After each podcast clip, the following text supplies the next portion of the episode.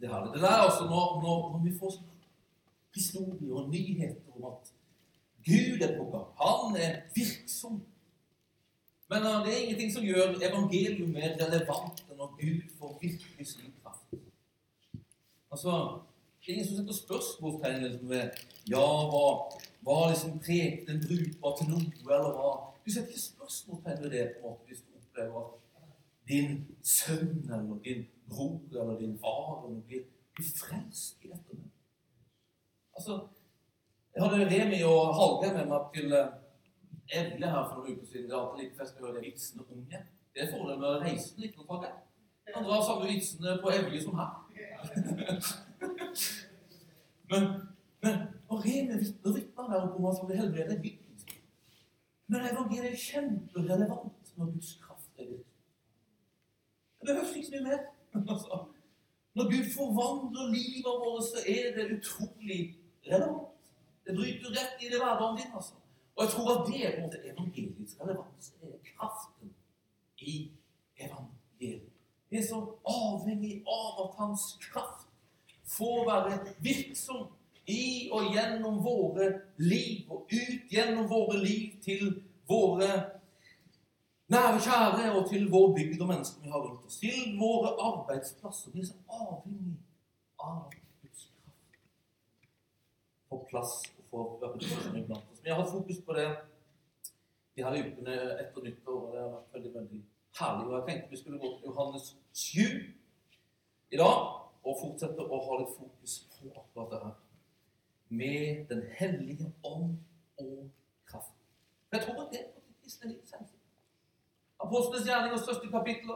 Det handler helt enkelt om de ble fylt av Den hellige ånd og kraft gikk ut og forkynte det og formidla et evangelium der kraft fulgte med. Paulus Guds rike det består ikke av ord, men av kraft.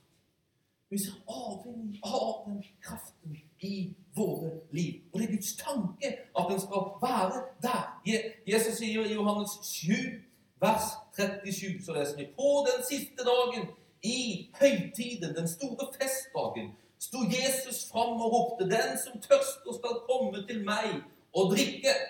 'Den som tror på meg, for hans indre skal det, som Skriften sier, renne elver av levende vann.' Dette sa han om ånden de som trodde på ham, skulle få.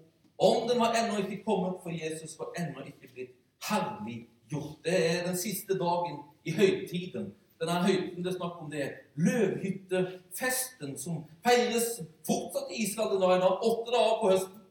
Den ble innstiftet av Moses. Og på Jesu tid så var på en måte en del av løvhyttefesten det var at prestene gikk ned egentlig hver dag ned til denne silodammen som på en måte var vannlageret nærmest innenfor Jerusalems murer. De gikk ned der og henta vann i noen sånne gullbeholdere. Så bar de det opp i tempelet, og så øste de ut vannet i tempelet med en bønn om høstregn. Og det er det på en måte som er på en måte sammenhengen. Derfor begynner Jesus å prate om vann. Fordi på samme måten som det var liksom vann i sving der på løvehyttefesten, så skulle det være vann i sving når ånden kom. Altså, I det kristne livet. Så sier han sånn 'Kom til meg og drikk'. Og så peker han på ånden. Det er som at han sier når ånden kommer, da skal det være vann der. Og Det er artig når det er vannet som de øste fra Siloadammen og opp og inn i tempelet. Det kaltes for det levende vann. Det var vann som skulle være et symbol på liv. Og så tenkte du at det livet skulle komme i et regn og ned for å bringe en stor fest. Men det er det Jesus tar feste på. Og så sier han noe som er et profetisk ord om oss som kristne. At når han er herliggjort, når Ånden har kommet, så skal det finnes vann tilgjengelig. Levende vann. Høstregn tilgjengelig hos han gjennom Den hellige ånd, som skulle utøses. Utøses. Og så sier han så her Det skal være livet deres skal være som elver av levende vann. Det er ikke vann som har Silodammen som kilde, men som har Jesus sjøl som kilde. Det er ikke fysisk vann, det er levende vann som skal strømme i vårt indre, fra vårt indre, som elv. Som elv. Det er som at det skal graves dypt i livet vårt, sånn at det kan renne masse vann inn der og gjennom der. Det er det kristne liv. Det er det kristne liv. Vi har hatt en tid etter nyttår der det har vært mer folk på bønnemøtene, det har vært liv på møtene våre, det har vært, det har vært eh, mange som på en måte har kommet fram og delt ting og opplevd ting og møtt Gud. og Det har vært veldig, veldig, veldig herlig. Og så er det så av og til i det der så har jeg en sånn bønn og en lengsel i mitt hjerte. Gud, la det her gå på dypet. Ikke bare et eh, sånn overfladisk verk. Det var for halvdelen på alltid spot on han liksom deler i dag igjen. Ikke la det være liksom noen overfladiske greier. Men la det få gå på dypet i våre liv. I våre liv. Jeg tror at han ønsker å gjøre det i ditt og mitt. Jeg tror jeg ønsker å fylle, liksom. Ikke bare liksom la vannet liksom strømme på yta. Jeg har en ganske tørr blomst på kontoret. Så forrige uke at Geir var enda tørrere. Men min er jo ganske tørr. Og når jeg vanner blomsten, så er det som at det bare legger seg på utsida. Det er så tørt. og, så, altså. og sånn kan jo livet være. Hvis ikke jeg lar det vannet liksom ligge der det kan jo liksom, Nei, vannet vil ikke gå ned, så jeg bare skrur det vekk. Så blir det ingenting. Men vannet skal dypt ned. Dypt ned. Og av og til så må vannet få virke litt. Vi må få bruke litt tid med Gud. Ja, det han behøver så mye tid på oss. Men vi behøver litt tid for at han skal få virke i våre liv. Han vil gå dypt. Han vil gå dypt i våre liv. For han vil berøre bygda. Jeg holder på i begynnelsen av liksom å skulle formulere Misjonskirkas historie. Om ett og et halvt år så blir vi 75 år. Og da er på en måte målet vårt at vi skal ha formulert Misjonskirkas historie skriftlig. Og vi hører historiene for oss Misjonskirka kom til. Jeg husker jeg prata med min bestemor før hun døde. Så var det vekkelsestider, altså. Og det var ikke vekkelsestider der man bare hadde fine møter på søndag, og så gikk alle hjem, og i kveld var det en fin, et fint møte. Og så neste dag så var alt som før. Og så tralta det og trulta det en uke, og så hadde vi et nytt, fint møte. Nei, det var noe som gikk på dypet, altså. Først så gjorde det i Guds folk. Så hun fortalte det at ja, det var jo møter, var, liksom, det var møter der, men så var det bønnemøter hver kveld. Og vi valfarta på bønnemøter. Hverdagen så ut som at vi gikk på jobb på dagen, og så kom vi hjem, og så var det bare en av oss på bønnemøte. Og så holdt de på i timevis, kom det seint hjem. Og hun sa til meg så her Tror du hun hvis du Hun sa, ja, da hendte vi på en måte nesten rava hjem, så. Og på vinteren kunne vi havne i brøytekanten, for vi var så salige. Og så var det hjem, og så var det sove, og så var det på jobb, og så var det på bønnemøte igjen. Det, det gravde dypt altså, i Guds folk. Og så begynte det å pulsere noe som fikk påvirke hele formen. Så sa det da. Ja, Før vekkelsen så, så, så kunne det være med, var det ofte vanlig så, at mennesker satt liksom i veikanten og drakk og spilte pop og alt sånt der. Så begynte vekkelsen, og bygda ble berørt, og så sa hun sånn Så forsvant det. Så forsvant det. Bygda blir berørt vann begynner å pulsere og strømme ut som elver. Gud, han vil gjøre et i oss og gjennom oss. Og er noe jeg elsker, det er på en å stå og se på en måte den som tilskuer når Gud berører mennesker. Elsker det. Elsker å se når Gud berører mennesker, så er det en råte. Hva gjør Gud med meg? Elsker å være tilskuer til Guds ja. Det kan være bra, men husk det. Det ble sånn, sånn Husk det. Gud ønsker ikke at vi skal være tilskuere. Han har ikke tenkt at vi skal være tilskuere. Han har ikke tenkt at, at, at, våre, at, at vi liksom skal be om vekkelse, og så, og så får vi liksom bare se at vekkelsen rammer folk. og, og, og sånn. Men vi var tilskuere. nær. Når Gud skal ha ut sitt vann til vår bygd, eller hvor han skal ha det, så bruker han. Så bruker han oss. Det er ikke det jeg sier. Vi skal få være tilskuere. Bare få se ham berøre mennesker. Men vet du hva? For at han skal få berøre mennesker der ute på dypet, så vil han først få berøre ditt liv på dypet. Han har tenkt å bruke det. Han har tenkt at du skal være vannbær, fylt av liv, og ha elver av levende vann strømmende ut gjennom deg. Vet du hva? Når vi ber om vekkelse, så må vi være beredt på at Gud kommer til å begynne med oss. Han vil grave. Han vil grave.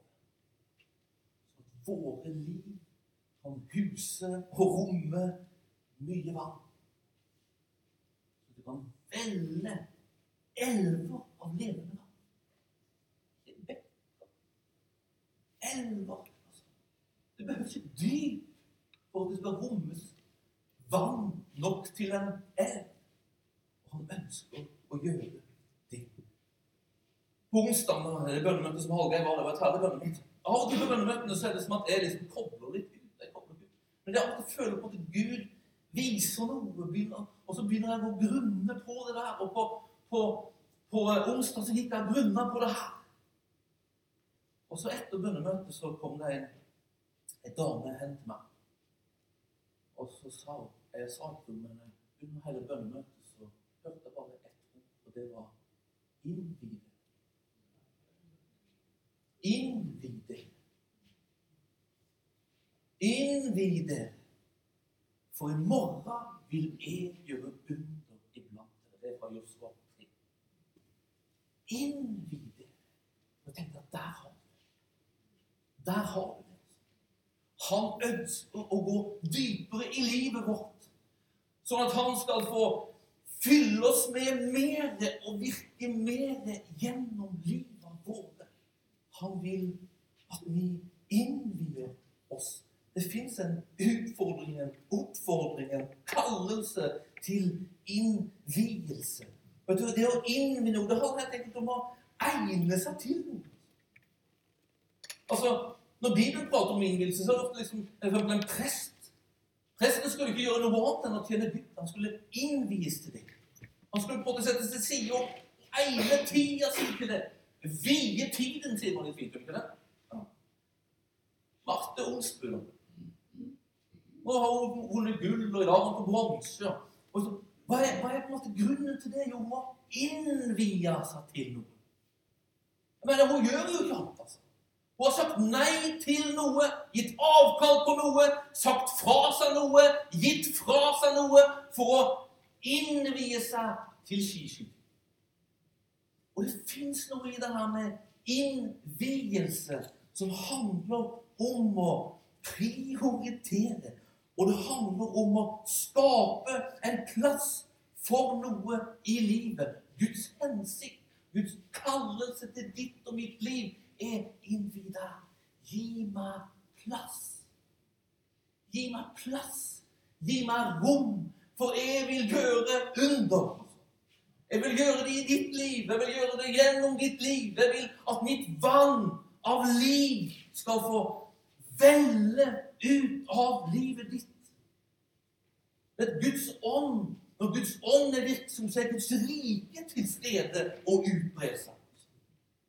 Hva er det som skjer når Guds rike utbrer seg? Jesus sier at det som skjer når Guds rike utbrer seg, det er at lamme går, det er at blinde ser, det er at døve hører, det at liv kommer som om det kommer vann i ødemarken. Lennart. Altså, det er livet fra himmelen som tørrer området. Han vil gjøre det. Han vil berøre ditt liv. Han vil fylle ditt liv. Ja, han vil gjøre det for din skyld. Fordi han elsker du, er opptatt av du, at du skal ha på en måte liv i overflod. Men han vil mer enn det.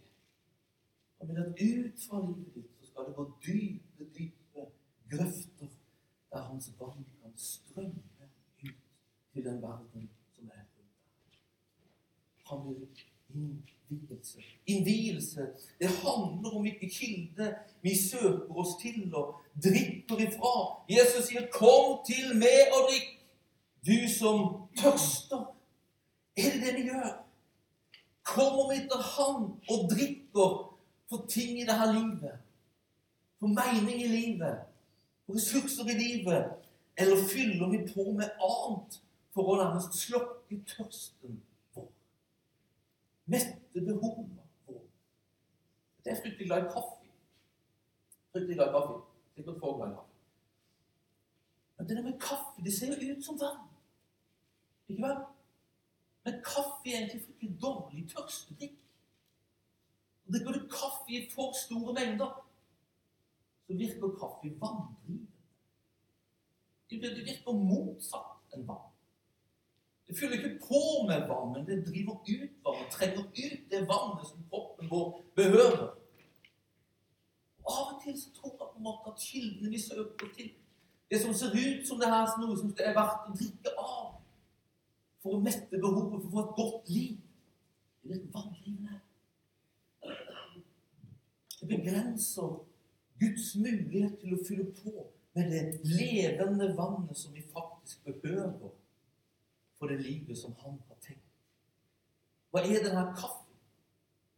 Materielle ting, egen velstand, velvære, trygghet, bekvemmelighet, popularitet, mange venner, det å realisere deg sjøl Alt det her er det som verden peker på. Det her er hva du skal drikke.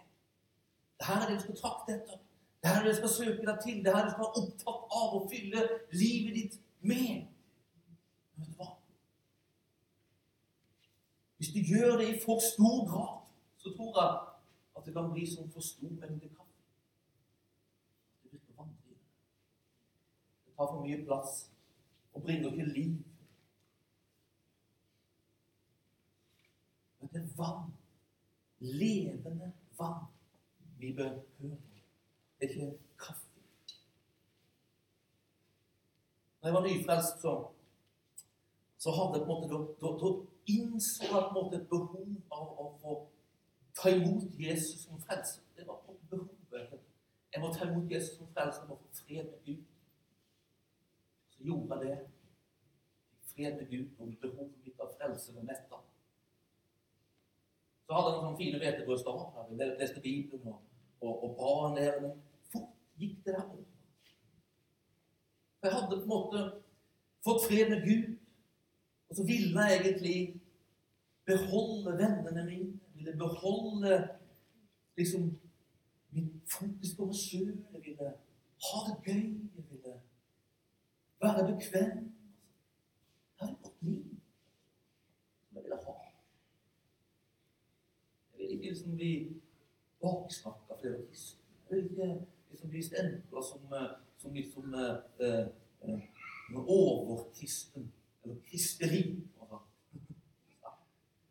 Så ganske fort så havna jeg i sånn bekvemmelighet. Jeg hadde Jesus i hjertet, men det var det jeg hadde et lite hjørne fra. Og resten av livet var fylt med en hel masse annet. Kaffe. Som skulle gjøre livet mitt godt. Så skjedde den. Så brast egentlig, gikk i stykker, hele den tryggheten og det framtidsdrømmene mine og alt det der. Det knakk sammen. Plutselig så opplevde jeg at jeg ble stilt inn for et vann. Hvor drikker du fra videre nå?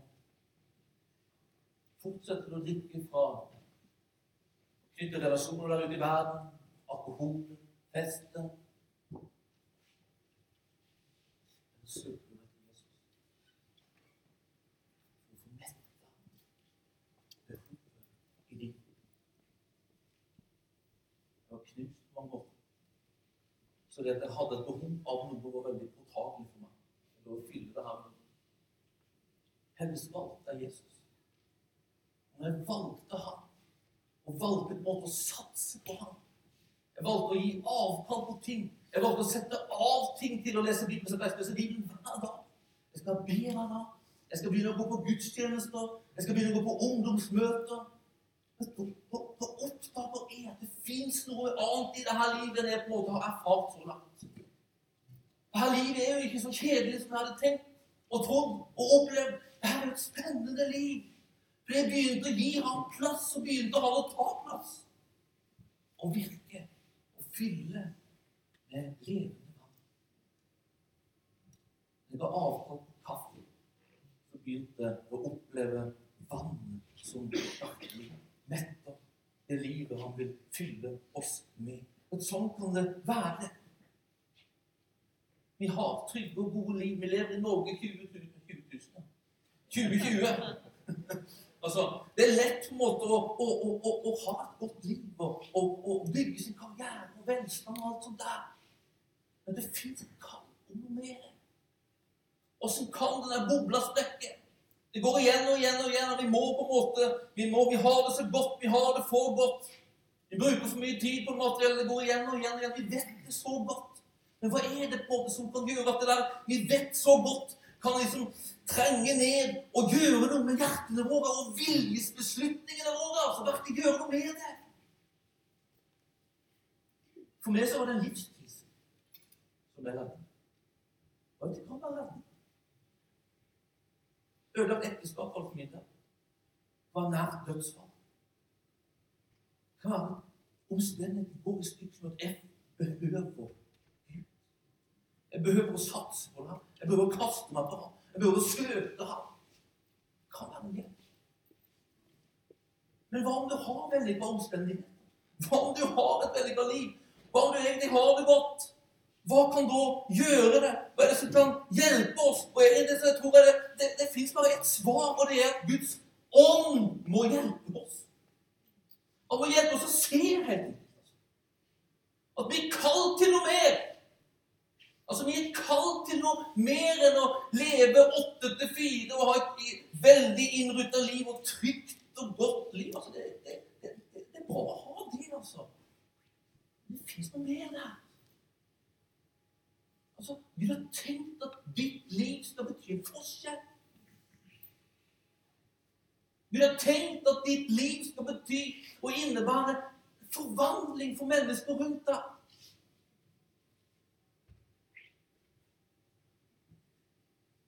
Når Jesus kliver inn i liksom, sin jordiske tjeneste, så, så, så, så, så, så synagogen i Nasaret, så åpner han liksom Jesajas boker, og så leser han på en måte egentlig hva som er hensikten med hans liv.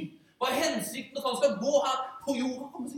Så sier han jo, Herrens ånd er over meg, for han har salva meg til å forkynne et godt budskap for fattige han har sendt meg for å rope ut at fanger skal få frihet, og blinde få syn igjen, for å sette undertrykte fri og rope ut et nådens år fra Herren. Det er Guds hensikt med mitt liv, sa Jesus. Og så går han her, og så vandrer han, så samler han disipler, og så sier han når jeg går fra dere, når jeg reiser fra dere, når jeg tar fot i himmelen, så skal dere gjøre samme gjerninger som meg. sier ikke uten hjelp, men med Den hellige ånds hjelp. Det er som at han sier For Herrens ånd kommer til å være over deg. Hvorfor da? For at du skal kile deg på ryggen? For at du skal ha en god opplevelse en gang i uka? Nei, for han skal salve deg til å forkynne et godt budskap for fattige. Han kommer til å sende deg for å rope ut at fanger skal få frihet, og blinde får syn igjen, for å sette undertrykte fri og rope ut et nådens år fra Herren. Det er hensikten med ditt liv. Det er kallelsen på ditt liv.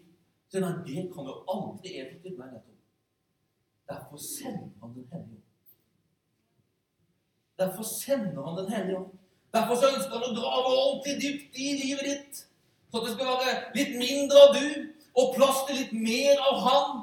Sånn at hans levende vann kan fylle deg og strømme ut av livet ditt som en elv. Som en elv. Den hellige ånd må vise oss det. Den hellige ånd må hjelpe oss til det. Vil vi det her? Vil vi egne livet vårt til det her? Vil vi innvie oss til det, skape plass for det? Kallelse hviler over ditt liv. Han vil gjøre noe. Ja, det er som at han har begynt å gjøre noe. Vi prater om at det er en ny tid, og han sier amen, amen, amen. Og han er klar, og han har øst på vannet. Krana står på det siden pinsedagen. Når han avhengig han er fortsatt avhengig av plass i ditt og mitt liv for at han skal kunne gjøre det han vil gjøre. Innvi deg. Kom til meg og drikk, sier Jesus. Kom til meg først av alt. Føre alt det andre. Ja da, han er ikke imot at vi skal ha trygt og godt. Han er ikke imot at vi skal ha, heller ha liksom godt rykte på oss. Men det er ikke kilden i livet. Det er ikke det som på skal være prio én. Hensikten vår handler om Han og Hans. Kom til meg og drikk. Kom til meg og drikk. Innvielse det handler om hvilken kilde vi fyller behovet vårt med. Men så handler det òg om vi holder beholderne våre rene. Det som er innvia, det brukes ikke til noe annet. De her gullbeholderne som prestene brukte på løvetefesten, de de bruktes bare til å bære vann. Det var ikke sånn at de sto i et hjørne i tempelet og, og, og, og, søpla ned. altså resten av. Det ble ikke fylt med masse edderkoppnett og, og, vann fra i fjor. Det ble måtte holdt der. Beredt. Tilgjengelig. Hellige for den hensikt som de hadde, nemlig å bære det fins av til ting i livet vårt som vi på en måte tillater, fyller våre beholdere, og som vi ikke gjør noe med. Så Det handler ikke om at vi liksom skal være fullkommelige og, og aldri liksom, liksom uh, gjøre feil eller være bristfellige, for det er vi, altså. Paulus ligner oss som leirkar. Nesten litt sprekte. Det er vi som mennesker. Vi er svake, vi går feil, vi gjør feil, vi, vi velger feil, sier feil, gjør feil ting. Det handler ikke om det. Men det handler om hva vil vi? Av og til tror jeg på en måte at vi nesten liksom vi tillater ting i livet som vi vet ikke Gud har beordret. Paulus definerer synd sånn. Han sier alt det du ikke gjør, det tror det er synd. Så egentlig alt det du ikke kan gjøre sammen med Gud, det er egentlig synd.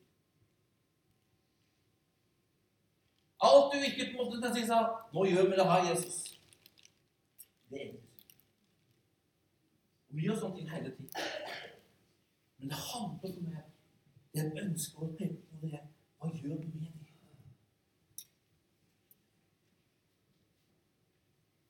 Gjør vi noe med det, eller lar vi det være er der vi er i sitt. Det er der vi vil ha. Innvielse handler om hva vi gjør med det på en måte som skittent tilbehør. Eller kan skape liksom dører. Edderkoppnett. Hva gjør du med det? Det handler om omvendelse. Omvendelse det er sånn et ord som på en måte må være en del av vår, vår kristne vokabulær. En slags daglig greie, nærmest. Der vi kommer til han og sier 'Du ser at jeg gjør feil, men jeg vil ikke ha det'. Ta det. Det handler om en daglig omvendelse. Det er aldri Guds jord gir oss ikke tillatelse til å på en måte leve dobbeltliv. Der vi er hengitt ham, men i hemmelighet så, så vil vi beholde ting som Gud ikke har beholdt. Det fins en utfordring fra himmelen. Og nå er det hellig. Nå er det ett med ham.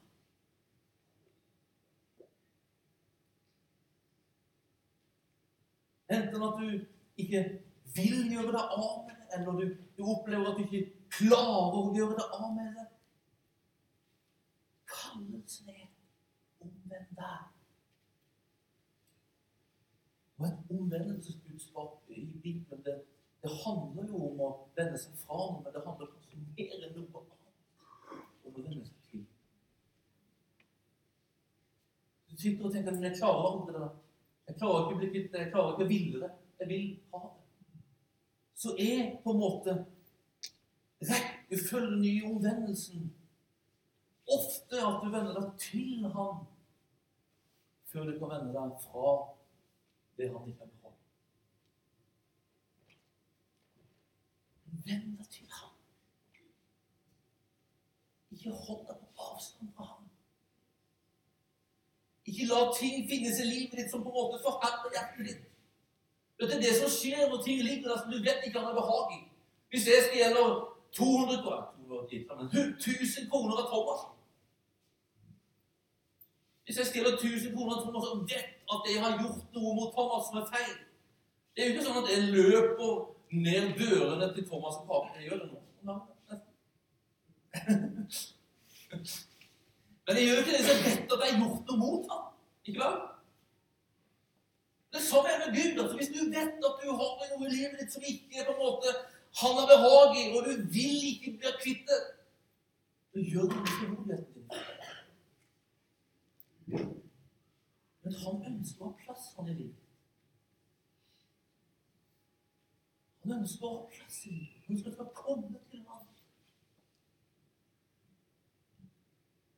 Så når han forkynner og, og liksom utfordrer på om den der, så handler det om å gi ham plass. Han står ikke der og forkynner om vennen sier når du har blitt kvitt det du skal bli kvitt, så kan du komme. Han sier kom. Vend deg bort fra denne liksom, tilværelsen der du holder på ting sjøl. Kom hit! Så vil det hjelpe.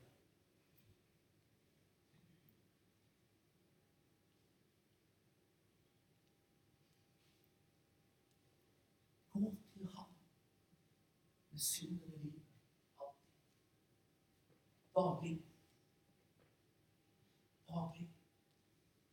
Og er du der at ikke du vil, så går med det. Det er Han som virker i oss til å ville og til å gjøre. Og han vil det. Så det handler ikke om at du skal klare å ville en gang. Det handler om at du skal ville og ville. Så ta dere dit. Ta slep vilja med deg. Og se, 'Her er den. Jeg kan ikke. Du må hjelpe meg å ville, ville det her.' Han gjør det. Han elsker det. Han vil bare at du kommer og ikke holder det for deg sjøl. For når du holder det for deg sjøl, så stenger du han ute. Han har plass i livet ditt. Han vil fylle livet ditt så at ditt liv kan bli en velsignelse.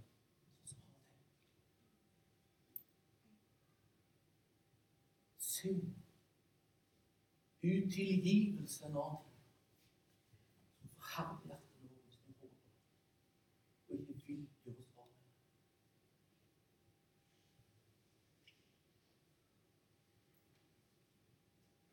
Kallelsen går. Det er aldri ok å holde fast ved synd. Det er aldri ok å holde fast ved utilgivelse. Kallelse til omvendelse. At han vil skape en plass i livet ditt hans vann kan få strøm, der hans vann kan få velle fram og gi liv til mennesker rundt deg. Så kom til ham. Innvi deg. Innvi deg. Gi ham plass. Gi ham rom. Slutt å drikke mye kaffe. Kom til ham. Slutt å holde fast ved ting som stenger ham ute. Skaper hardhet i hjertet både han. Så han kan få fukte det. Dette er det som skjer vet du, når du ikke vil. Så kan du komme med vilja di, så begynner hans Når du kommer til han med vilja di, så begynner han å fukte det.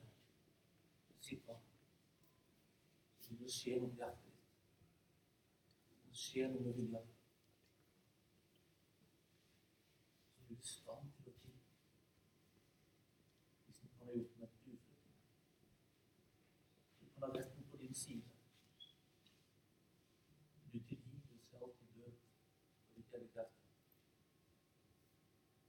Han vil like at du skal smake liv, dykkes i livet og være en formidler av livet til mennesker. Så inn i deg er det morgen vil Herren gjøre under. Amen.